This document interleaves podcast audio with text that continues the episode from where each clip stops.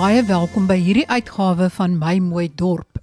Die program waar ons graag alle dorpenaars van alle dorpe in die land probeer help om van hulle dorpe weer wennerdorpe te maak. Ons is bewus daarvan dat daar baie baie probleme is met dienslewering in feitelik elke liewe dorp in ons land. Dat bitter baie munisipaliteite nie die mas opkom nie nie dienste lewer soos wat hulle moet lewer nie. Om meer agtergrondinligting hieroor te gee, gaan na ons webblad rsg.co.za want ek het daar skakel geplaas van 'n baie interessante gesprek wat op monitor was oor juis al die probleme in ons dorpe en selfs in ons stede. Vandag se program is in twee dele. In die eerste deel sit ek die gesprek voort met JP Smit. Hy is raadslid van die stad Kaapstad, burgemeesterskomitee lid vir veiligheid en sekuriteit. En ons gesels verder oor wat 'n munisipaliteit of 'n stadsraad kan doen om onwettige plakkerstrukture te verwyder. En twee baie belangrike dinge het in die eerste gesprek duidelik geword. En dit is dat hoe gouer 'n munisipaliteit optree, des te beter. Die munisipaliteit se hande is nog nie afgekap as hy optree wanneer daar nog net penne ingeslaan is waar die plakker of die onwettige besetter die grondafbaking vir homself nie. Ook aan die begin as die strukture opgerig word, kan daar ook nog opgetree word sonder dat daar vreeslike baie administratiewe hekkies is wat oorgespring moet word. Hoe langer 'n munisipaliteit of stadsraad wag, hoe groter raak die probleem en hoe moeiliker raak dit om wettiglik van die onwettige plakkerstrukture en die besetters ontslae te raak. Die tweede baie belangrike aspek wat hy uitgewys het, is die groot tekortkominge aan die paai wetgewing. Paai is sommer in spreektaal die woord wat gebruik word vir die wetgewing wat handel oor the prevention of illegal eviction and unlawful occupation land act. Die stad Kaapstad het aanpassings gemaak aan die munisipale of stadsraads wetgewing om die gapings in die paai wetgewing te probeer ondervang. Hierdie dokument wat hulle opgestel het, kan ook deur ander munisipaliteite, ander stadsrade gebruik word as hulle hulle self wil bemagtig oor hoe om hierdie probleem aan te spreek. Ek het ook daardie skakel op die webwerf gelaai en dit is tot enige munisipaliteit se beskikking. Daar is dus raad. Maar ons sluit net hierdie week die gesprek af met JP Smit oor wat gedoen kan word betreffende die verwydering van onwettige plakkerstrukture op grond wat nie aan die besetters behoort nie. JP, as dit nou 'n stuk grond is wat aan die stadsraad behoort of in 'n dorp aan die munisipaliteit, is dit dan die burgemeester of die stadsraad wat moet opdrag gee aan die polisie om oprigting van die shacks of die uitlê van die plotte te stop of moet die uh, stadsraad of die dorpsraad of die munisipaliteit dit self doen? Beide die Suid-Afrikaanse polisie as ook die plaaslike wetstoepassing of metropolisie van die munisipaliteit het 'n verpligting om die PI Act, onthou die volledige naam van die PI Act is the Prevention of Illegal Eviction and Unauthorized Occupation of Land Act. So die onregmatige besetting van grond is ook 'n oortreding en die munisipaliteit het 'n verpligting teenoor sy inwoners om grondbesetting teen te staan en en die grond te beskerm teen besetting en om die nodige stappe te neem sover moontlik om dit te doen. En dit sluit in die um, investering in voldoende antigrondbesettingshulpbronne sover dit die bekostigbaar is vir die munisipaliteit natuurlik om hierdie grondbesettings te te probeer bekamp. En so hulle moet optree. Dit is nie 'n ding waaroor 'n politikus homself uitspreek of haarself uitspreek nie. Politici gee nie instruksies aan operasionele personeel nie dit is die verpligting van jou stadsbestuurder of jou munisipale bestuurder en die persone gedelegeer onder hom om daai instruksies uit te druk aan die um, personeel van die stad om vir hulle instruksie te gee om dit te doen en die nodige operasionele beleid, die standard operating procedures in plek te stel om dan te verseker dat die personeel weet wanneer hulle moet optree en hoe hulle moet optree ensovoorts. Sê maar daar's nou grond uitgesit vir 'n crash. Onwettige besetters begin nou om hulle plotte uit te merk daarso. Die gemeenskap teken 'n petisie en hulle vat dit na die munisipale bestuurder toe. Moet die munisipale bestuurder dan opdrag gee dat die penne uitgehaal kan word en dat die mense verjaag word? Ja en nee, ja, die munisipale bestuurder het 'n verpligting om die stad se grond te beskerm wanneer hy attent gemaak word daarop dat daar besetting uh, besig is om plaas te vind.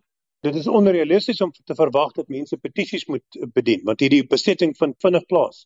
Dit is die rol en verantwoordelikheid van die munisipaliteit om die grondbesetting te probeer keer. In Kaapstad spandeer geweldig baie hulpbronne daarop.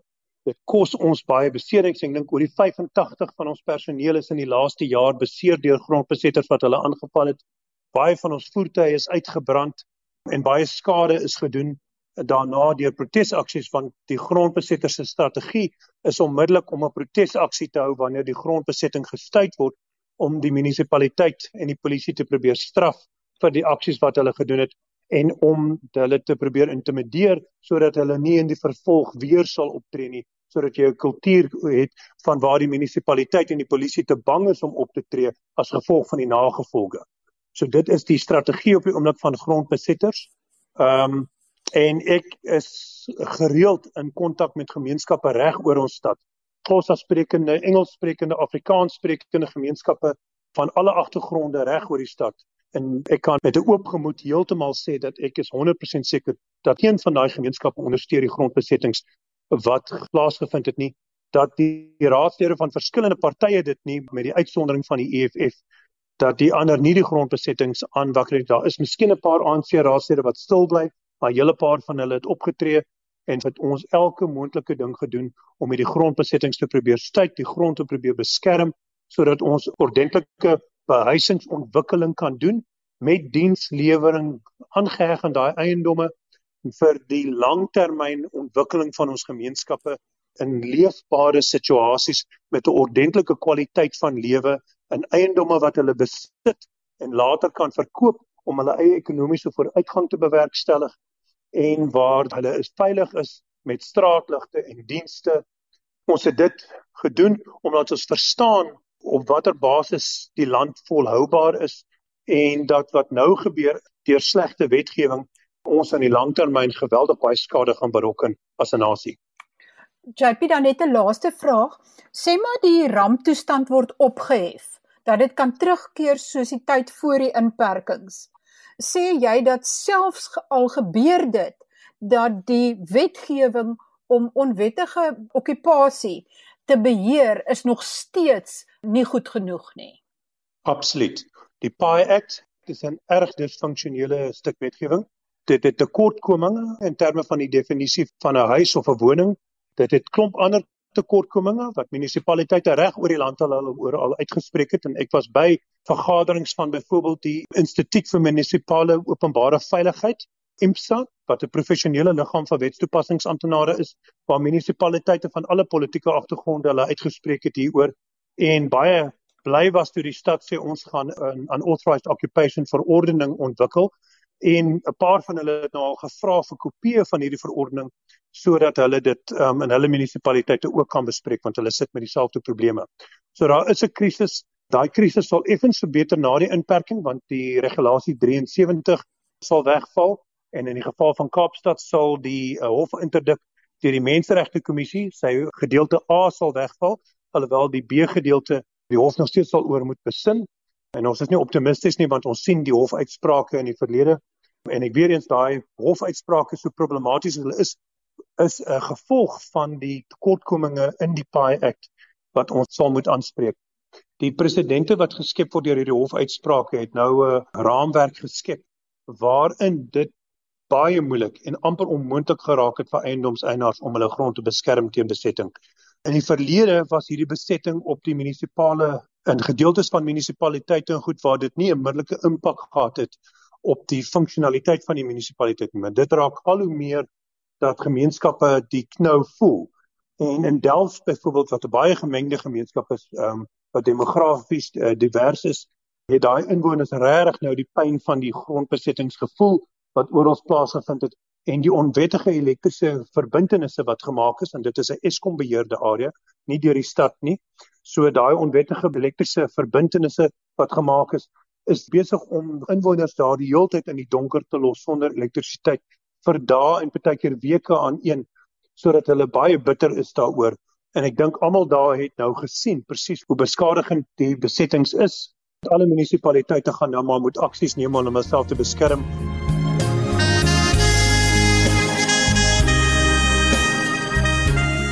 Tweede deel van hierdie episode gesels ek met Dr. Braam Hannekom.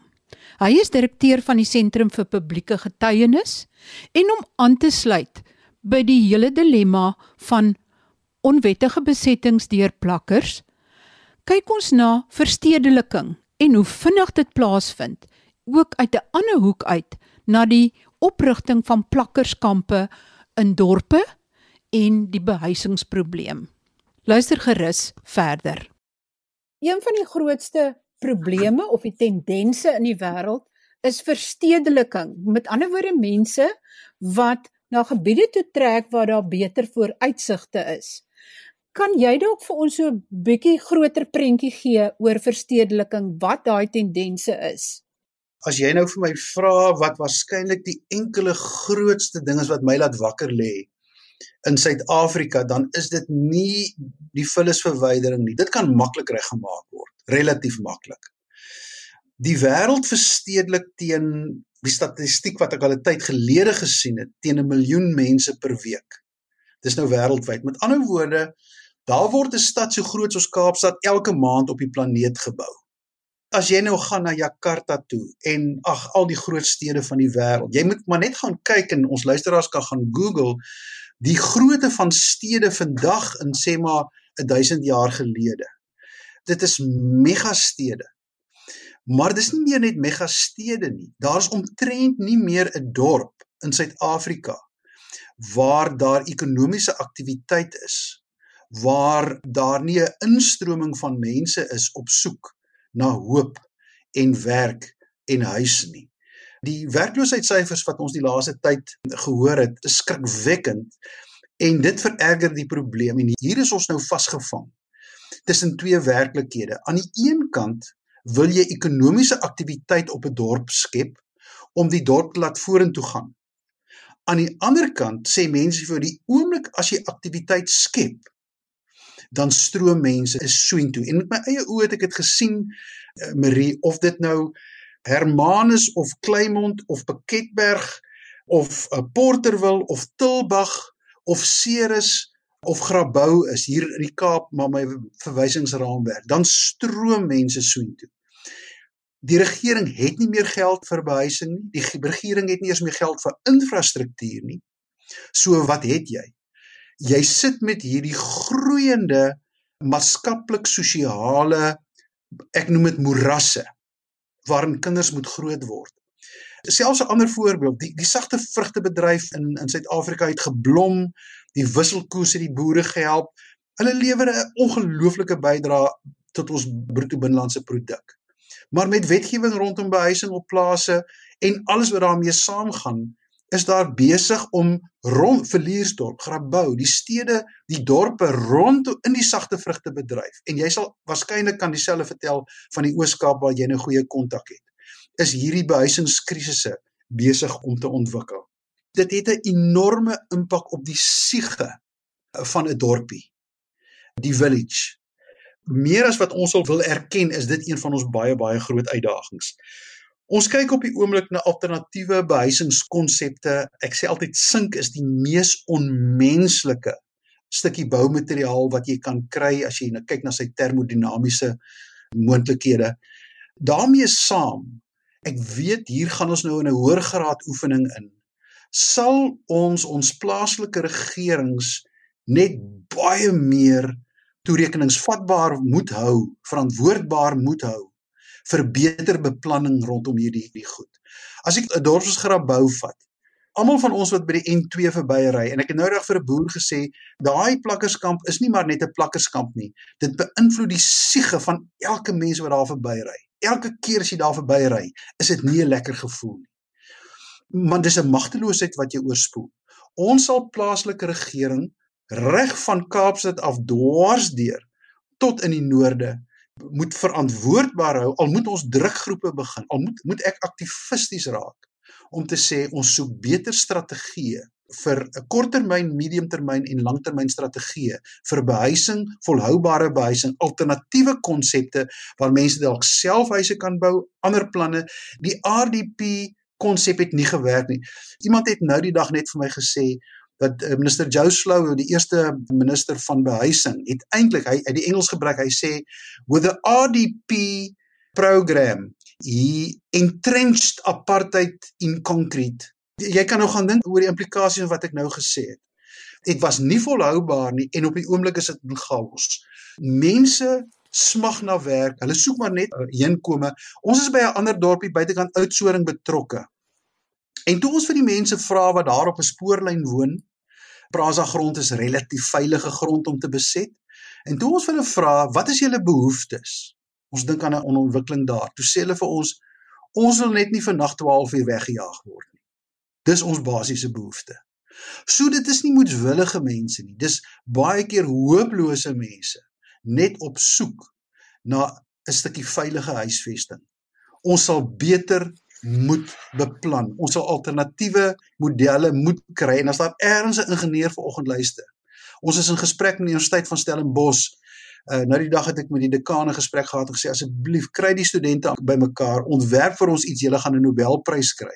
As julle vir ons 'n alternatiewe behuisingskonsep kan uh ontwikkel, want dit gaan die siege van dorpe, my mooi dorp, sal dit verander. Sink gaan dit nie doen nie. Ek sal baie graag as ons daardie mense opspoor by die universiteite wat kan werk aan alternatiewe behuisingsoplossings, dan sal ek baie baie graag vir hulle as gaste op my program wil kry. So ek sal my oor baie nou op die grond hou.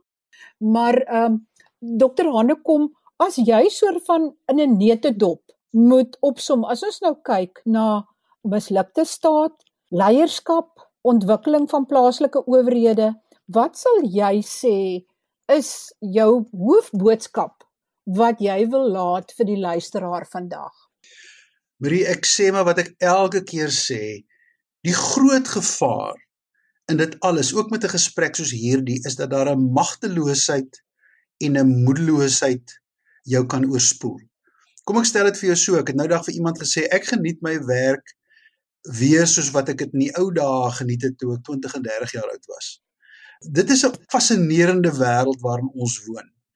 Ons is nie 'n mislukte staat as ons op 'n dag agterkom die water werk nie meer nie.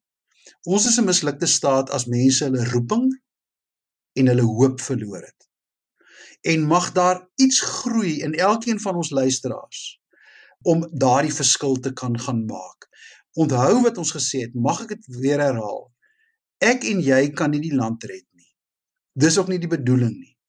Maar jy kan 'n konkrete verskil maak in die wêreld waar jy geroep word om te woon en te leef en 'n verskil te maak. Vir die een ou is dit om 'n fietsry klub te begin. Vir die ander een is dit om 'n dorp se papiere op 'n Saterdagmôre te gaan optel. Daar's soveel soveel moontlikhede. Vir plaaslike regering, daar moet ferm opgetree word. Ons gaan stem. Ek dink ons sal moet slimmer wees.